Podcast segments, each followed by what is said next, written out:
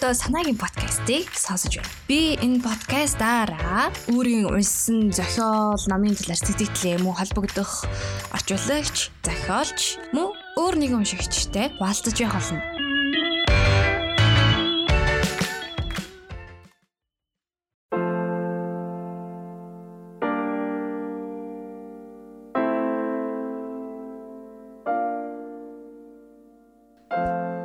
Сайн байцгаана уу? Сонсогчтой энэ өдрийн өглөөний орой мэндийг хүргэе. За би энэ удаа хадугаараар Герман Америкийн сэтгэл зүйч, нийгэм судлаач, гүн ухаантан, хүмүүнлэг философч тооцогддог Эрик Фромын эрх чөлөөнөөс дайж байгаа юм их номын хэсгээс та бүхэндээ сонсохоор бэлтлээ. За тэгээд э, юуны өмнө подкаст нээгээд сар болог байгаа. Тэгээд тэр хугацаанд бас ингээд аюугаа урмын үгс надад ирж байгаа. Тэгээд та нартай маш их баярлалаа гэж хэлмээр байна. Тэгээд дээрэс нь бас санал сэтгэлээ байнга ирүүлж байгаарэ. Түүнийг тусгаад өшөө илүү гоё зүйл хийхийг хичээх болно гэж хэлмээр байна. За тэгээд Эрик Фромын хувьд хэм бол 1900-аас 1980 оны хооронд 20 дугаар зуунд амьдарч байсан. Аа нийгэмдээ маш их нөлөө бүхий хүн байсан. А ялангуяа психо аналитикийн чиглэлийг одоо Америк, Мексик, аа тэгээд Латин Америк зэрэгт бол энэ сэтгцийн одоо шинжилгээ амжилттай хөгжөхөд бол маш том хувь нэмэр оруулсан ийм хүн байдаг. За тэгээд түүний бүтээлүүдээс нь юм бол манай монголчууд магадгүй хайрлах хурлад номыг илүү их сонсож байсан бах.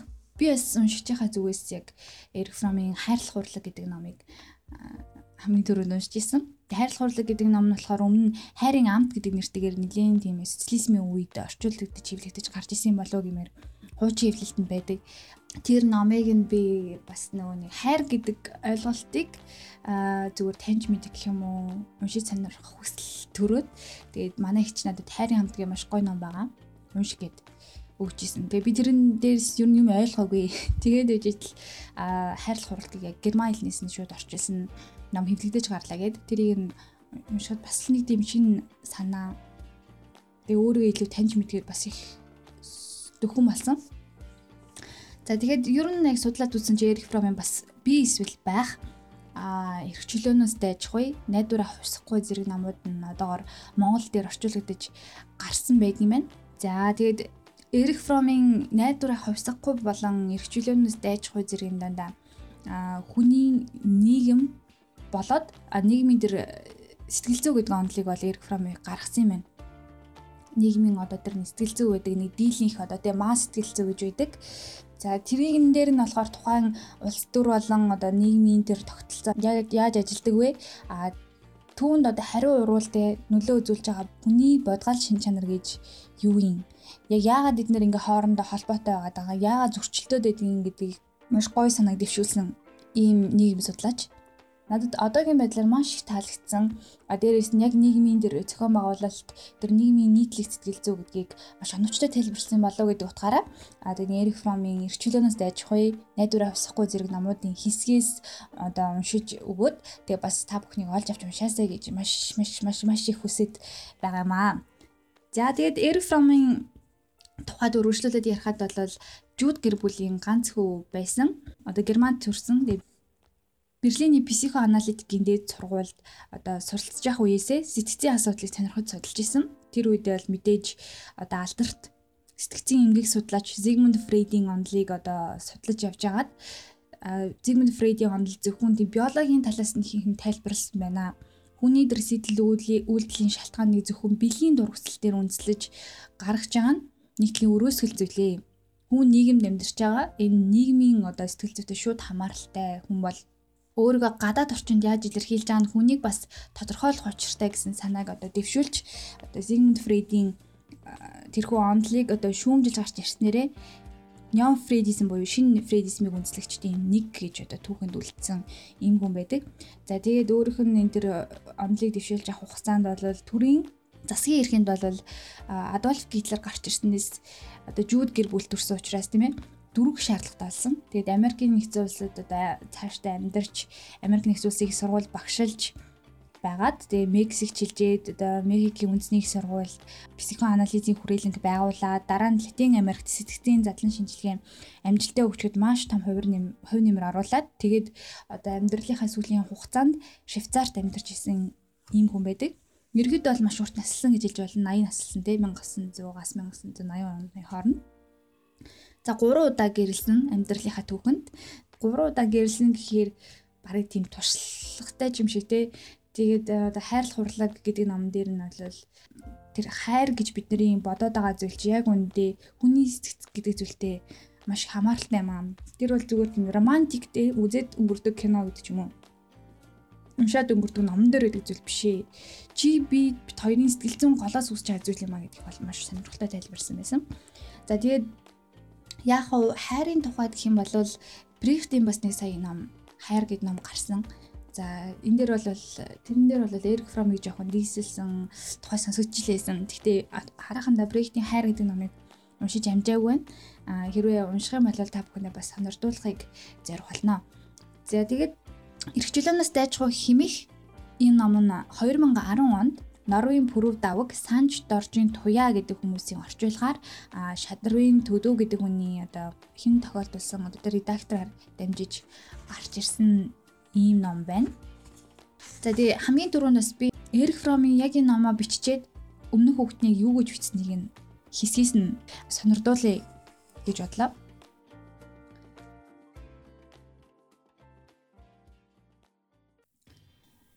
Анхны хэвлэлэн зориулсан өмнөх үг.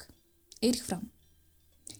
Энэхүү номонд шинэ хүний сэтгэхүй, нийгмийн хөгжлөөр нөхцөлтөн буй болдог санаа бодол хийгээд нийгмийн хүчин зүйлүүдийн хоорондын уялдаа хамаарлыг авч үзхийг зорилоо. Миний би энэ сэдвээр судалгаа хийгээд хэдэн жил болж байна. Судалгаагаа гүйцэхийг хүлэвж бүрч олон жил болох бололтой. Гэтэл улс нийгмийн өнөөгийн хандлага хүн төрлөختний агуу гайхамшигт ололт болсон хүний бодгаал шинж Хов хүний дахин давтагдчихгүй нүүр царайг нэгэн хэвийн болгочих магадгүй аюул нүүрлээд байна. Үүний учир би судалгаагаа түр хойшлуулсан. Өнөөгийн соёл нийгмийн тулгуур асуудал болох хувь хүний эрх чөлөөний тухай сэдвт анхаарлаа хандуулахад хүрлээ. Хүн бодгалчлагдаж нэг талаас аюулгүй байдлаа хангадаг ч гэсэн нөгөө талаас эрх чөлөөгөө хязгаарлуулж байсан хүлээснээс ангижран бие хүн болсон хэдий ч бодит бүх боломжоо нээн дэлгэрүүлэх үс хэмжээнд хараахан хүрээгүй байгаагийн учир шалтгааныг нээхэд энэхүү номын гол санаа чиглэгдэж байгаамаа. Ирэх чөлөө гэдэг хүнд бие даасан байдал ухаалгаар оршин тогтнох чадвар тэргүүтнийг хайрлсны зэрэгцээ ганцаардуулж хүчин мөхөстгийн айдас төгшүүрийг төрүүлэх болсон билээ. Ганцаардлын гаслан дунсан хүмүүн бусдаас хамаарах юм уу? Захирагдах замаар ирэх чөлөөнөөсөө татгалзах. Эсвэл өөрийн авьяас чадварыг дээд зэргээр хөгжүүлэн бүрэн эрхчлөлтөд болох хоёрхан л зам үлджээ. Энэ номонд бидний авч үзэх сэдэв бол буй болсон нөхцөл байдалд өгсөн онош төдий зүйл болохоос хитгэн төлөвт өгөх үнэлгээ биш дүн шинжилгээ болохоос байдлаас гарах гарцын тухай бүр биш гэдгийг хэлхэн зүйтэй болов. Харин эрхчлөөнөөс толгойтой болгон дайжих болсны учир шалтгааныг таньж мэдвэл нийгэмд болж буй сүрэг үзэгдлийг засаж залруулахад тустай болов уу гэсэндээ энэхүү номыг зориулан бичсэн билээ. Эрх Фром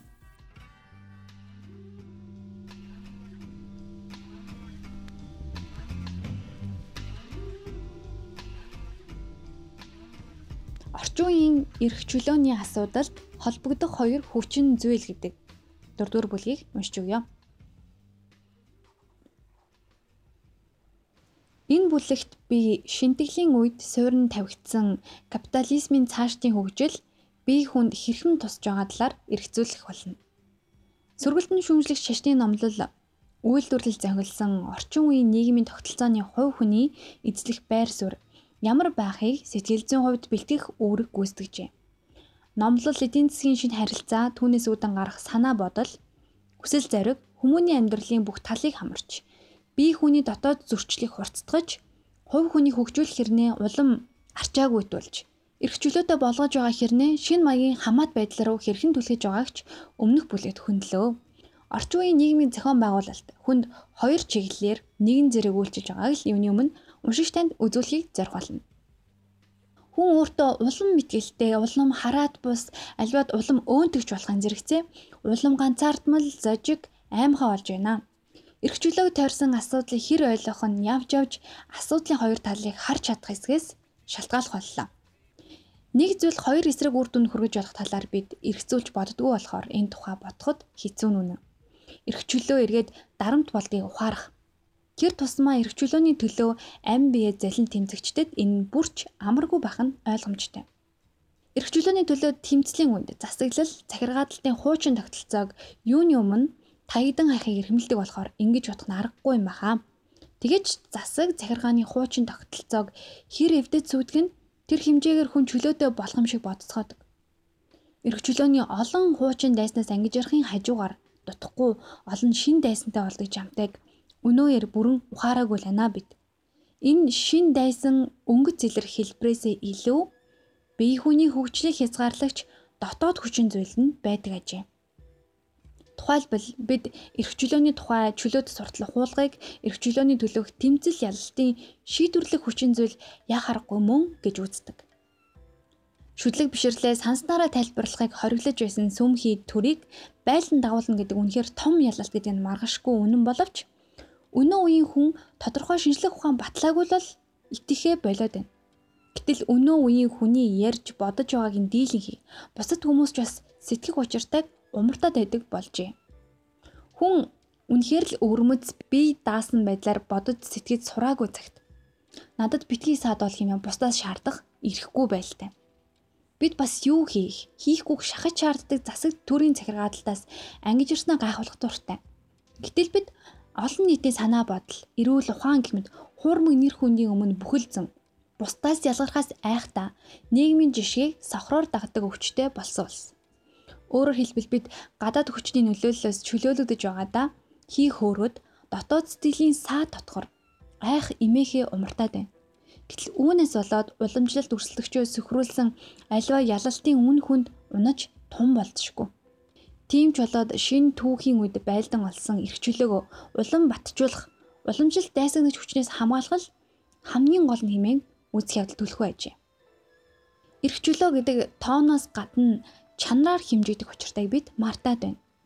Байлдан дагуулсан эрх чөлөөнийхөө ололт бүрийг хамгаалж, хадгалж, цааш нь хөгжүүлж дэвшүүлэхийг чухалчлахын зэрэгцээ бас эрх чөлөөний шин хэлбэрийн төлөө тэмцэх ёстой юм. Бие хүн өөрийн боломжоо бүрэн дайчилж, өөртөө хийгээд амьдралд итгэлтэй болох тэр эрх чөлөөг хийлж байгаа юм. Үйлдвэрсэн систем эрх чөлөөний дотоод хүчин зүйлд хэрхэн нөлөөлснийг үнэлж цэгнэх альва алхмыг капитализмын үед бие хүний хөгжилд гарсан агуу их дэвшилтэй холбоотой гэж авч үзэх ёстой. Үүнийг зөрчин орчин үеийн нийгмийг шүүмжилсэн альва оролдлого бол дундад зууны хийм мөрөдөл автсан хийрхэл хөгжих дэвших биш хөнөөд сүвдэгхийн үүднээс капитализмыг шүүмжилж байгаа хэрэг мөн. Протестант хүний ёс суртахууны чөлөөт байдал түлхэц болсон капитализм энэ чөлөөлтийг сэтгэл зүйн нийгэм улс төрийн хүрээнд үргэлжлүүлсэн. Хөгжлийн гол үндэс нь эдийн засгийн чөлөөт байдал, тулах гол хүч нь нийгмийн дунд хэсэг байлаа. Хувь хүн хичнээн хичээгээд уламжлалт хийх хэмжээнээс халих боломж үндсэндээ байхгүй нийгмийн хатуу тогтолцоо үеийн өнгөрөөжээ.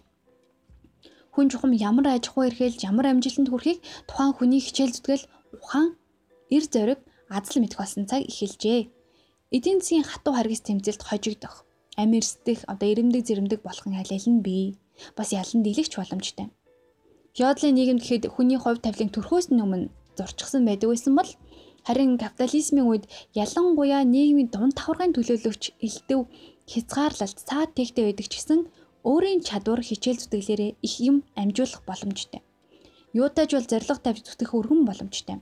Түүндээ хүрдэх хүнч цөөнг болсон. Хүн байгалийн иргэшээлээс улам бүр ангиж ирж, хуучин зүүдлэхийн аргагүй байсан хүч чадалтай болж байна. Хүн өөрийгөө болон орчин тойрноо бодиттой харж үнэлдэг болж хийх хоосон санаархалт автах нь багасч байна. Улс төрийн эрх чөлөөж хөгжиж эхэллээ. Эдийн засгийн шинэ боломжтой болсон нийгмийн дунд давхаргынхан улс төрийн цэцэглийг гартаа оруулах боллоо. Товчоор хэлбэл капитализм уламжлалт дарамтнаас хүнийг чөлөөлөө зогсоогүй бодит эрх чөлөөг бий болгож идэвхтэй, аливаад шүүмжлэлтэй, хариуцлагатай ханддаг бие хүний хөгжүүлэх үйлсэд асар их хандив оруулсан. Гэхдээ Энэ бол капитализмын үзүүлж байгаа нөлөөний зөвхөн нэг тал нь. А гэтэл капитализмын нөлөөнөөс олж хувь хүн бүр ганцаардмал, зожиг, амтан болж өөрийнхөө хүчгүй, өчүүхнийг улам хурцаар мэдрэх болсон. Капитализмын үед эдийн засгийн үйл ажиллагааны амжилт, ашиг орлогол хамгийн гол зорилт болж хувирсан.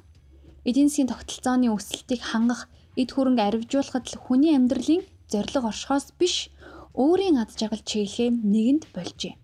Хүн эдийн засгийн авраг машины эрэг шурга төдий болцоход байна. Хүн хөрөнгө ихтэй болбол үгээгүй хоосон бол боолт альч тохиолдолд өөртөө хамаагүй зорилгод үйлчилдэг машины эрэг шурга болоод байна.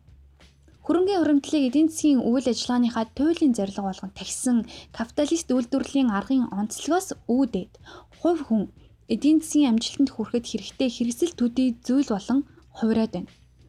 Ашигын төлөө зүтгэж олсноороо дахин хөрөнгө оруулж, дахин ашиг олж, өссөн ашигаараа дахин хөрөнгө оруулалт хийх гэх мэтэр үргэлжилж байна. Мэдээж тансаг амьдрал чамин сайханд мөнгө цацаж ашигаа савируулдаг баячууд ямар цаг үед байдаг байсан. Гэхдээ л Капитализмын сонгодог төлөөлөгчид мөнгөө үрж биш. Ажилд цагийг нөхцөөдөг. Хөрөнгөө хэрэгцээндээ үрж биш нөхөн үйлдвэрлэлд оруулах замаар арвижуулах энэхүү зарчим орчин үеийн үйлдвэрлэлийн салбарын өнөөдрийн агуулх амжилтанд хүрэх урьдчилсан нөхцөл болсон юм. Хувийн амьдралдаа ийм чанга гараар хандахгүй өөрсдийнхөө хөдөлмөрийн үр шимийг үйлдвэрлэлийн хүчийг улам өргөжүүлэхэд зориулан буцаан хөрөнгө оруулалт хийх тийм хүсэл эрмэлзэлгүй байсан бол байгалийн хүчийг номготхон эзэмших талаар өнөөгийн хүрсэн энэ амжилтанд хүрэхгүй багсан. Нийгмийн үйлдвэрлэх хүчний энэ өсөлтийн ачаалал бид түүхэн анх удаа амьдралын наад захын хэрэгцээг хэрхэн хангахад санаа тавьж үхэлтэн зүтгэхгүй байж болох ирээдүйг төсөөлөхтэй болоод байна. Энэ утгаар авч үзэх юм бол хөрөнгө хуримтлуулахын төлөө ил зарчим хүн төрлөختний хөгжил нааштай асар их нөлөө үзүүлсэн нь үнэн. Харин сөрөг тал нь гэвэл хүнийг бие хүний хүсэл сонирхлоос ангид зорилгын төлөө зүтгүүлж машины эрэг шурга төдий болгосноор өөрийн өчүүхэн арчаагүй дороог нь алхам тутамд улам хурц мэдрүүлэх болсон оршино. Бид өмнөх бүлэгт Лютер хүнийг төрхийн бузарцсан амьтан учраас энэ наснда яаж ч зүтгээд ч хэрэггүй гэж сургадаг байсан тухай өгүүлсэн. Тэгвэл Кальвин ил санааг ишүүнд солгон хүн бардам зангаа дарж Бурхны яруу алдрыг баттахын төлөө ам бие зориулах ёстой. Ер нь хүнд хувийн зориг гэж байх ёсгүй хэмээн номлосон. Хүмүүн ингэж өнөөгийн нийгэмд өөрт ноогдож байгаа амаргүй ачааг үүрэх сэтгэл зүйн бэлтгэлтэй олжээ. Хэрв хүмүүн эдийн засгийн машины ирэх шурга төдий үүрэхтэй боол болох замаар Бурхны суу алдрыг магтан дуулахад бэлтгэгдэж харин Бурхан Тэнгэр өргөн олон шавнараа инэрч хайрлах, цэг шударгыг баримтлахтаа залгардах хаваас фюрер гарцаагүй төрнө. Бид өдий болтол өөрийн хөрөнгөтэй түүнийг ашиг болон хувиргаад үргэлжлүүлэн хөрөнгө оруулалт хийх чадвартай хүмүүсийн тухай дурдлаа. Энд хүмүүс бол хөрөнгөө аривжуулахыг амин чухал хэрэгцээ болгосон улс. Тэгвэл өөрийн хөрөнгө байхгүй биеийн хүчийн үнэлэн амьдрахаас өөр боломжгүй улсын хувьд байдал ямар байгаа хэрэг вэ? Тэдний бодол санаа үндсэндээ ижил байсан нь удаах байдлаар илэрнэ. Нэгдүгээрт игэл хүмүүсийн хөлсний хөтөлбөрийн амжилт зах зээлийн хууль, өсөлт, бууралт, ажил олгогчийн гарт байгаа үйлдвэрийн технологийн дэвшлээс шууд хамаарна. Хүлсний хүмүүсийн хүчийг ажил олгогч итгээд удирдан зохицуулдаг болохоор даган захирагдвал зохих засаглалын дээд орвил нь мөн тэд болж байдаг. Ажилчдын дунд иймэрхүү сэтгэл 18 дугаар зууны эцэс 19 дугаар зууны турш ноёлож байлаа. Харин үйлдвэрчний эвлэлийн хөдөлгөөн үүснээс эхлээд байдал өөрчлөгдөж ажилчид идэхгүй хэсэг биш болсон. Ажил олгогчоос ийхүү шууд буюу хувийн талаар хараат байдаг нь үнэн боловч хөрөнгөлөх хэсгийн нэгэн адил өнөөх хүний хүсэл сонирхлоос ангид зорилгод тэмүүлж байсан. Аль ч нийгэмд манлайлагч хэсгийн хүсэл зорилгоор соёлын үдэл санаа тодорхойлогддог жамтай болохоор гайх зүйл биш л дээ. Нийгмийн ил бүлгийнхэн сургууль, сүм хийд, хэвлэл мэдээлэл, үзүр зэрэг хүмүүшлийн тогтолцоог хяналтандаа байлгадаг, өөрсдийнхөө санаа бодлыг нийтэд ухуулан таниулах боломжтой байдаг. Үүнээс гадна дээгүүр амьдралтай хүмүүсийг борчууд нь даган дуурайдаг. Ижилхэн амьдрахыг хүсдэг өөрөөр хэлбэл нэг сортид хүндлэгдэн дээдлэгдэж байдгийг нэмж хэлэх ёстой. Өнөө болтол бид капиталист үйлдвэрлэлийн арга хүнийг өөртөө хамаагүй зорилгын төлөө тэмцэгч зэмсэг болгон хувиргасан. Шинтгэлийн үеийн сургаалаар суурин тавигдсан даянч өөрийгөө голох үзэл санааг хөөргцэн тухай өгүүллээ. Орчин үеийн хүнийг ажил үйлсэд түлхдэг сэтэл нь бие зэлэн өөрийгөө умартан зүтгэх хичээл зүтгэл биш. Аминч атгах санаа гэдэг нь тодорхой. Үүнийг яаж тайлбарлах вэ? хувийн эрх ашигын огоорн тэмцэх тухай протестантын сургаал. Орчин үеийн аминч үзлийн баримтал хоёрын чухам аль нь үнэнд ойрхон байна. Маквелийн хэлсэнчлэн аминч үзэл бол хүний зан чанарыг хөтлөгч гол хүч учраас ёс суртахууны альва хим хэмжээнээс дээгүүр тавигддаг аж. Үүний нэг нотлохоо нь хүн эд хөрөнгнөөс салснаас эцгийн алдгыг илүүд тооцдог явдал мөн өөрийгөө умартан золих явдлыг үзэл сурталчсан баг байсан. Түүний цаана хүний жинхэнэ нүр царай болох аминч атгаг бодол нуугдаж байдаа хэмээн үзвэл энэхүү ойлгоход бэрх амьсгалыг тайлахад амархан юм биш үз. Ингэж үзэх нь үнэнд ойрхон байж болох боловч бүрэн дүрэн хариулт гэж бид үзэхгүй юм. Чухам учрыг олохын тулд аминч үзлийн сэтгэлзэн үндсийг судлах хэрэгтэй болно. Лютер, Кальвин, тэрчлэн Кант, Фрейд нар аминч үзэл өөрийгөө хайрлах хоёрыг ижил хугтгун хэмээн үзэж байлаа. Бусдыг хайрлал сайн үл өөрийгөө хайрлал нүгэл. Өөрөөр хэлбэл бусдыг хайрлах, өөрийгөө хайрлах хоёр бие биенийг үгүйсэхтэй гэсэн үг болоод байгаа. Тэгвэл хайр сэтгэлийн мөн чанарыг хэрхэн авч үзэхтэй холбоотой онлайн шинжтэй алдаа энд байгаа. Хайр сэтгэл гэдэг бол бие хүний сэтгэлд байж байдаг бөгөөд тодорхой биетийн нөлөөгөөр хөдөлгөөнд ордог зүйл болохоос биш гадна ямар нэг онцгой биетийн үйлчлэлээр үүсдэг юм бишээ. Устгаж үгүй хийхийг улаар нь хүсхийг үзен ядах гэдгийг нэгэн адилаар тодорхой зүйлийг баттахыг хүчлэн хүсхийг хайр сэтгэл гэж болох юм аа. Хайр сэтгэл гэдэг бол хиндэж түүний дотор бидэнд ч тохиолдож болох зүйл. Харин ганцхан итгээдийг хайрладаг онцгой сэтгэл гэдэг их зөрчилтэй ухагдсан байна. Тухайн хайр сэтгэлийн эзэн тодорхой бие хүн байдаг нь ойлгомжтой. Гэхдээ энэхүү эзнийг сонгосон хүчин зүйлийг энд авч үзэхэд хэтэрхий олон төвөгтэй. Тэгээд бидний хувьд одоохондоо тодорхой итгээдийг хайрлан гэдэг бие хүний сэтгэлд ямагт байж байдаг зүйлийг нийлүүлэн нэгт гэж зангидэгцний илрээл гэдгийг ухаж ойлгох нь чухал байна. Тодорхой хүнд хайртай болно гэдэг ерөөсөө нийт хүнд хайртай байдгийн илрэл байдаг болохоор ийм байна. Ер нь хайр сэтгэл гэж юу болохыг хайртай дуртай болсны дараах дэврэгэн халилаар биш. Тодорхой нэгэн этгээдтэй хамталсан жаргалын дараах сэтгэгдэл хамтын хичээл зүтгэлээр хоримтлуулсан туршлагын аль альнаар нь хэмжиж болохгүй. Үүний оронд тодорхой хувь хүнтэй тогтоосон харьцааны үр дүн үнэн боловч амсаж болох сэтгэлийн зовлонгоор тодорхойлох нь зүйтэй. Дээрхэс үзэх юм бол би өөрийнхөө хайр сэтгэлийн эзэн болж болох нь Тэгвэл миний хувийн амьдрал ад жаргалтай, дэвшин дээшлэх боломжтой, эрхчлөөтэй тогтвортой байх нөхцөл боломжтой гэсэн. Ер нь хувь хүнд амьдралаа зохицуулах чадвар хангалттай хүрэлцээтэй байдаг. Харин түүнийгээ зөв зохицуулах л учиртай. Бас зөвхөн бусдыг хайрлана гэдэг бол энэ зөв хайр сэтгэл биш болно. Эгоизм гэдэг өөртөө хайртай илрэл биш, харин бүр эсрэг зүйл ажээ шунаг сувдаг зангийн нэгэн илрэл. Тийм болохоор ханад цадна гэж хизээж байдаггүй. Хомхой сувдаг сэтгэлд хөтлөгдсөн хүн хизээж ханаж барагддгүй хүслээ биелүүлэхийн төлөө өөр өөрийгөө үрж байдаг. Эгоист хүнийг ажиглаад байхад өөрийгөө бөөцөлөх нь их боловч өөртөө хизээж сэтгэл хангалуун байдаггүй. Ийм хүн ямагт сэтгэлийн зовлонтой дандаа л авхаа дутаачгүй, боломжоо алдчихгүй, хоцорчихгүй хэмээх сэтгэлийн там дунж арай илүү нэгэндээ голлоо тасартал атаархаж явдаг. Ийм хүн өөрийнхөө тухай өөдрөг бодол өвөрлөдөггүй харин ч сэтгэлийнхээ мухарт өөр өөрийгөө үзен ядах үзэл тээж явдаг. Эгоизмын их сурвалж чухам өөрийгөө хайрлаж, дээдлэж чадахгүйтэй холбоотой гэж үзвэл ойлгомжгүй мэд санагдах дээрх зөрчлийн учир амархан тайлэгдана. Өөрийгөө хайрлаж дээдэлдэг хүн ямагт сэтгэлийн.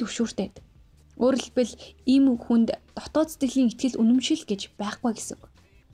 Ийм хүн өөр өөрийгөө хүчээр залж, дутууд улимгаа бусдаас шунамхаар нь авах хэрэгтэй болдог. Түүнээс гадна ихтгэл үнэмшил, ханад цадах сэтгэл гэж байхгүй болохоор бусдаас дутуугүй гэдгээ өөрөө өөртөө нотлох хэрэгцээ ямагт байдаг. Энэ хэлж байгаа дүгнэлтүүд бие тоосон хүмүүсийн хувьд мөн адил үйлчлэлтэй гэж амтай. Тийм учраас өөртөө дэндүү сэтгэлтэй баймаар хатал үнэн байдлаа ерөөсөө тийм биш ажээ. Нарциссизм мөн л эгоизмтэй нэгэн адил өөрийгөө хайрлах дээдлэх сэтгэлийн дутагдлаас ихтэй байдаг. Фрейд нарциссизмд автсан хүн бусдад өгөх хайр сэтгэлээ хурааж зөвхөн өөртөө зарцуултаа хэмээн үзэж байлаа. энэ дүгнэлтийн ихний эсгэл зөв. Өөрөөр хэлбэл ийм хүмүүс бусдыгч өөрийгөө ч хайрлах чадваргүй байдгийг. Эгоизмыг сэтгэл зүйн талаас нь авч үзэж байгаа асуудалд эргэж оръё. Орчин үеийн хүний үйл ажиллагаа сэтэл зорилгоороо тодорхойлогддог боловч ачир дээрээ өөрт хамаагүй зорилгод үйлчилж байгаа зөрчилтэй асуудалтай тулгараад байна. Калимны үзэж байснаар бол хүний амьдралын сорын ганц зорилго бол хүн өөрөө биш. Бурхны суу бэлгийг алдаршуулахад оршдог ажээ. Бид сая зүйл бүрийн боломжтой тодорхой хүний төлөөлөгч болох бийг үнэлж тоодоггүй хайрлаж хүндэлдэггүйгээс орчин үеийн эгоизм улбатайг үзүүлэхийг оролдлоо. Хүслэгч ба хүлсний ажилчин хоёрын хоорондын харилцаа мөн л ийм цэвдэг хүүтэн янзтай байдаг болжээ. Employer хэмээх үгний хүслэгч, ашиглагч гэсэн салаа утга бүхнийг илэрхийлнэ. Хөрөнгөний эзэн хүнийг машин тоног төхөөрөмжийн нэгэн адил ашигладаг бол ажилчин ч гэсэн өөрийнхөө эдийн засгийн зорилгод хүрэхийн тулд хүслүүлэгчийг ашиглаж байгаа хэрэг болдог. Ингээр эдний хоорондын харилцаа бол ердөө зорилгодоо хүрэх хэрэгцэл багаж зэмсэг болохоос хүнлэг шинж огт байхгүй гэж хэлж болно. Үйлдвэрлэгчийн хувьд хэрэглэгч бол хэрэгцээг нь хангах учиртай бие хүн байгаа хэдийн болж ердөө арга зайлаа сорих талбар болоод байгаа учраас би ингэж хэлж байгаа нь. Дундад зуунд хүн хийж байгаа бүтээгдэхүүнийхээ чанарт их анхаардаг байсан бол одоо огт сонирн биш болж зах зээл дээр юу гүйлгээтэй байгааг үйлдвэрлэж ашиг олох нь эрхэм болоод байгаагаас үзвэл хөдөлмөрт хандах байдалч бас ашиглагч шинжтэй болоод байгаа. Зөвхөн эдийн засгт төдийгүй хүмүүс хоорондын харьцаач гэсэн асар хүйтэн болсон. Харьцааны энэхүү хүйтрэл хувь хүн өөртөө хандах хандлагад хамгийн хүчтэй балхтай илэрх болоод байна. Хүн эд зүйл төдийхнөр өөрийгөө арилжаалах боллоо. Ажилчин хүн хүч тэнхээг зохион байгуулагч, эмч хүн оюуны чадвараа худалдаж байна. Хүмүүс хэрв өөрийнхөө таваар юм уу үйлчлэх чадварын нэгдэл болсон бие хүнийг борлуулъя гэж байгаа бол өнгө зүй сайтай байхын зэрэгцээ хөдөлгөөнтэй санаачлагтай гихчлэн тухайн тохиолдолд тохирсон олон шаардлага хангасан байх ёстой болно. Бусад бүх таварын нэгэн адил хүн ингэж зах зээл дээр үнэлэгдэх боллоо. Зах зээлд хэрэгтэй чадвар эзэмшээгүй хүн хэрэгцээний өртөгтэй ч гэсэн зах зээлд гүйлгээгүй болохоор үнгүй таваартай адил болж хуурдаг. Өөрөөр хэлбэл хүн өөрийнхөө хүчинд итгэх итгэл нь эцсийн бүлэгт бусдын юу гэж үзэхээс шалтгаалдаг боллоо гэсэн үг. Хэрв зах зээл дээр гүйлгээтэй бол юуны төрөнд өөрөө өөртөө хүн болж харагддаг. Харин бусдын дунд нэр хүндгүү бол өөрийгөө хин ч биш гэж үзэхэд хүрнэ. Өөрийгөө үнэлэх энэхүү хамаарал яагаад орчин үед нэр алдрыг чухалчилдаг болсны тайлбар болох юм. Нэр алдраас хүний ажил үйлсийн амжилт шалтгааллах төдийгүй өөрийгөө хүндлэх чадвараа хадгалах эсэх нь шууд шалтгаалдаг. Хүн ийм чадвараа алдвал хүнээ алддаг. Өөрийнхөө хүчинд хичнээн бага итгэх нь хүн төдийхөр ядуу байдаг. Хувь хүн хөрөнгө мөнгөгүй эсвэл байснаа алдсан бол хэвийн бие байх нөхцлөө бараг алдлаа гэсэн. Ийм хүний тухай бусад хүмүүс ч тэр бүхэл өөрөө ч өндөр сэтгэлтэй байж чаддаггүй. Юутач эд хөрөнгөнд тулгуурлан болсон нэр хүндийг өөртөө ихтгэл муутай хувь хүмүүсийн багтан шагширсан байдал хөөргөдөн эрх мэдлийг нь баттгадаг ажээ. Эд хөрөнгө нийгмийн нэр хүнцэд байх юмгүй хүмүүсийн өөрийгөө илэрхийлдэг талбар нь гэр бүл болдог.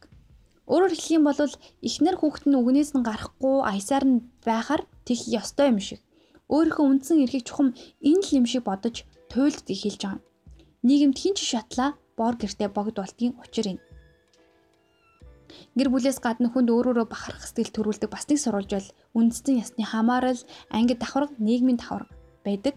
Хүн өөрөө хинч биш байлаа гэсэн бусдаас дээгүр хэмээн дотроо боддог үндэстэн нийгмийн бүлэгт хамаардаг бол их сэхүүн байдаг гэж. Ядмагхан бие хүний энэхүү байдлыг эдийн засаг, улс төрийн жинхэнэ эрх чөлөө, хувь хүний санаачлаг, гэгэрлийн талаар дээр ярьж байснаас ялгаж ойлгох нь зүйтэй. Бие хүнийг өөрийн өнгө төрхтэй бусдын иргэшээлд биш ухаалаг амьдрахад нийгэм нөлөө үзүүлсэн дамжиггүй. Харин дэмжиж үзүүлэлтүүд хүний итгэлгүй тайван бус байдлыг далтлахад тус болдог. Өөрөөр хэлбэл өвчнийг ангаадгүй зүгээр өнгөлн далдаж эзнийг нь хуурдаг гэсэн. Тийм ч болоод дэмжиж хүчин зүйлээс ихтэй итгэл үнэмшил хуурмаг өнгөц байдаг байна. Хувь хүн өнөөдөр ажил хэрэгч хүн, ажилчин, ажилтны хувьд төдийгүй хэрэглэгчийн хувьд асар хичээж ирсэн. Толгоогоо даасан эзэндээ баг шиг дэлгүүрт орсон худалдан авагч үйлчлэгчийн анхааралд өртөөж чухал хүндэтгэлтэйгээ мэдэрч юм худалдан авснаар бусдад тусдаа үйл бүтээсэн нэр нөлөөтэй хүн гэдгээ мэдэрдэг байлаа. Гэтэл их дэлгүүрт байдал огт өөр болсон. Аврах том байшин, үе болон үйлчлэгчэд уул овоош их барааны дэргэд хүн өөрийнхөө өчүүхнийг нөлөө багтайг улам урт мэдрэх боллоо. Хувь хүн дэлгүүрт үйлчлүүлэгч нэгжийн хувьд л хэрэгтэй. Нэг ч гэсэн үйлчлүүлэгчээ алдна гэдэг мөн тийм байдлаар олныг алдаж болох учраас анхаарцгаадаг болж. Өөрөөр хэлбэл их дэлгүүрийн эзэнд худалдан авагч тодорхой хүнийхээ хувьд хэрэггүй харин дэлгүүрт ирлээч юм авлаач сүйд болохгүй. Энэхүү байдлыг орчин үеийн зар сурталчилгааны арга улам гүнзгийрүүлэх болсон. Хуучин цагийн 8 бараагаа хүнд өгөх гэхдээ ойлгуулж ухааруул юуны өмнө эрхэмлдэг тухайн хүн юу юутай юу хэрэгтэйг одоо мэддэг байсан. Худалдагч барааныхаа талаар бодтой үнэн мэдээлж сансандаа хүрэхийн тулд ухаалаг ярих хэрэгтэй байдаг байлаа. Гэтэл өнөө үеийн зар сурталчилгаа эрс өөрөөр ажиллаж байна. Хүнд ухааруулж ойлгуулах биш, хүнийг хөөрүүлж эрхэндээ оруулахыг хичээх боллоо. Зар нь нэг янзын үг хэллэг дахин дахин давтах, нэрд гарсан нийгмийн зүтгэлтэн, эсвэл алдарт боксчин, аманда янжуур зуусын эрхэм. Чухамын л хамгийн сайн гих тгийх мөртөө хажуугаар нь нүцгэн шалтны хөөхнүүд эргэлдүүлэн хүний анхаарлаар тоглодог чамаас муухай үнэрч гинэ гэж зэмлэх эсвэл амьдралдаа дөрвтэй өөрчлөлт гаргахыг хүсэж байгааг нь сайшаахын ялтам. Энэ цамц юм уу? Саванг авчих юм бол биелнэ гихчлэн уваагүй ажиллацгаах боллоо. Энэ бүхэн барааных нь чанар чансаанд огт хамаагүй хэрнээ хүний шүүмжлэлтэй хандах чадварыг төөрүүлдэг хар тамхи юм уу ховслогоо адил зүйл билээ. Ийм зар сурчлагаанд хүсэл мөрөөдлийн шинж байдаг нь үнэн боловч хүнд өөрийг нь өчүүхэн хүчин мөхөс гэдгийг гүн мэдрүүлдэг тал бас байгааг цохон дурдах хэрэгтэй. Хувь хүний хүчин мөсөлт нөлөөлж байгаа өөр хүчин зүйлч бас байгаа. Эдийн засаг улс төрийн амьдралын хамрах үрээ өргөснөөр үйл явдлын холбоо хамаарлын учир шалтгааныг олоход амаргүй боллоо.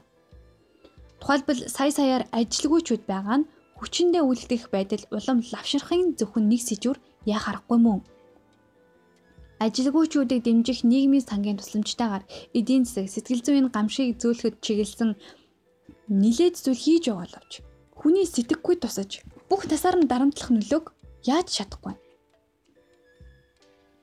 Олон хүний хувьд ажилтай байна гэдэг бол хүсэл мөрөөдлийн дээд оргил хаанаас ч юм хайрлсан их шиг хэмээн үзэгдэх болж байна. За бас дээр нь олон үйлдвэр мэрэгжилгүүч гэсэн зааж сурахад амархан эцгийн залуучуудыг ажилд авч ажиллуулахыг илүүд үзэх болсон. Залуучуудыг бас их машины эрэг шурга болгон хувирахад амархан болооч ч тэр байж магадгүй. Ерөөсөө эдгээр зураглал бол шин цагийн төрх болоод байгаа. Уул шиг сүрлэг барилга байшин, тасралтгүй хангинах радио, бодох санах чөлөөгөө өдөрт хит гарах сонин. Өөрийн өнгө төрхөө эвдэн сүйтгэж авраг машины эрэг шуурах хэрхэн болгохыг харуулах тоглолтод идэвхийлэн зүтгэгч олон охид хүүхэд. Дагшаа хөгжмийн нижигнэн Энэ бол төөрч будалж байгаа хувь хүн өнөөгийн хотын өнгө төрхийг тодорхойлогч цөөн хүчин зүйлс. Ийм нөхцөлд хүний чадах юм бол жагсаалын зэрэг шиг хөл нийлүүлэх аль эсвэл үйлдвэрийн шугамны дэргэд ажилчин шиг зогсгол үлджээ. Хөдөлж болно. Гагцхөө хүмүүн чөлөөт байдлын тухай мэдрэмж өөрийнхөө нэр сүрийн тухай ухагдхуунаа гээгээд байна.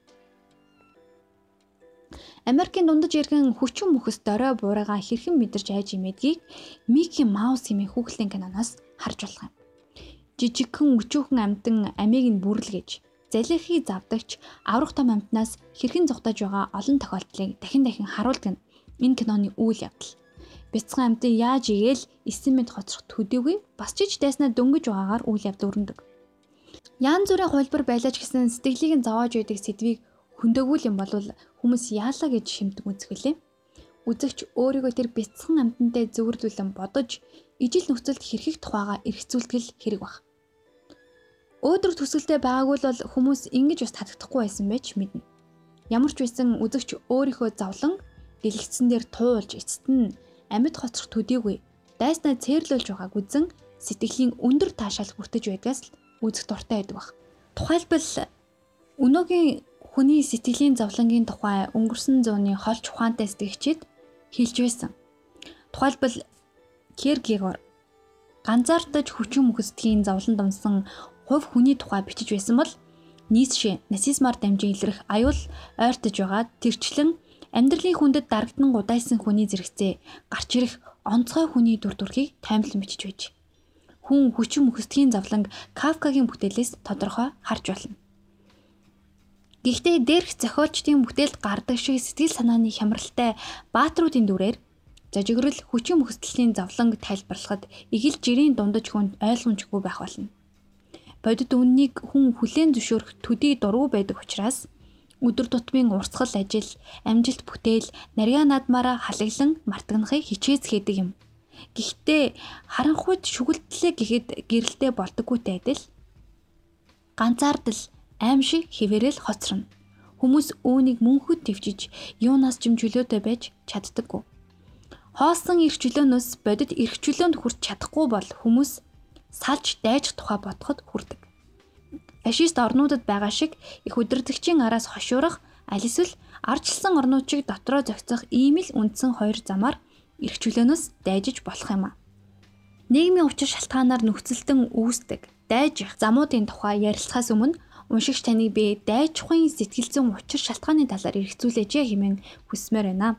Үүний өмнө бид зарим нэгтэн танилцсан. А гэхдээ фашизмын болоод орчин үеийн ардчлалын нөхцөлд даган зохицогч хүний сэтгэл зүйн учир холбогдлыг ухаж ойлгохын тулд сэтгэл зүйн үзэгдлийн тухай ерөнхий төсөөлтөй болох хэрэгтэй. Инхэн илүү юм шиг санагдаж болох боловч нийгэм соёлын дэвсгэр мэдлэггүйгээр сэтгэл зүйн асуудлыг зөв ухаарч болохгүйтэй нэгэн адил нийгмийн үзэгдлийг түүний үндэс болсон хүмүүсийн сэтгэл зүйн өөрчлөгдөх механизмыг мэдэхгүйгээр гүйцэд тань харахгүй юм. Дараагийн бүлэгт бид тэр тухай авч үзэх болно.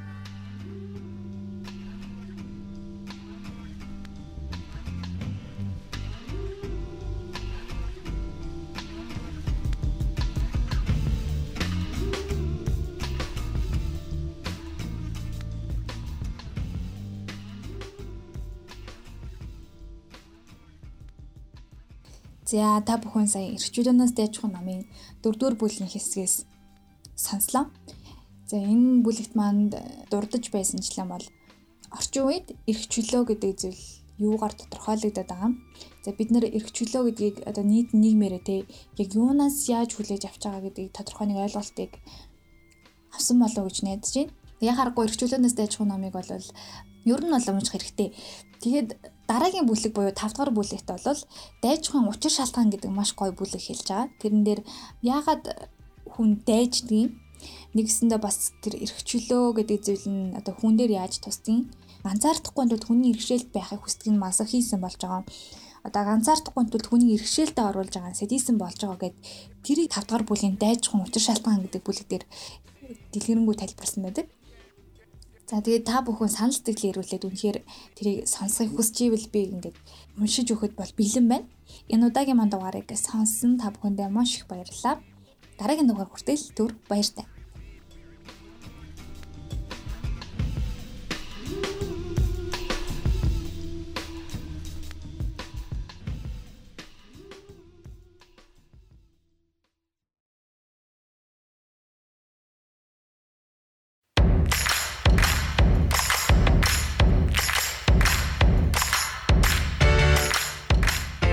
Одоо санаагийн подкастыг сонсож байна. Би энэ подкастаараа өөрийн уншсан зохиол, номын талаар сэтгэлээ мөн холбогдох орчуулагч, зохиолч мөн өөр нэгэн уншигчтай хуваалцаж явах болно.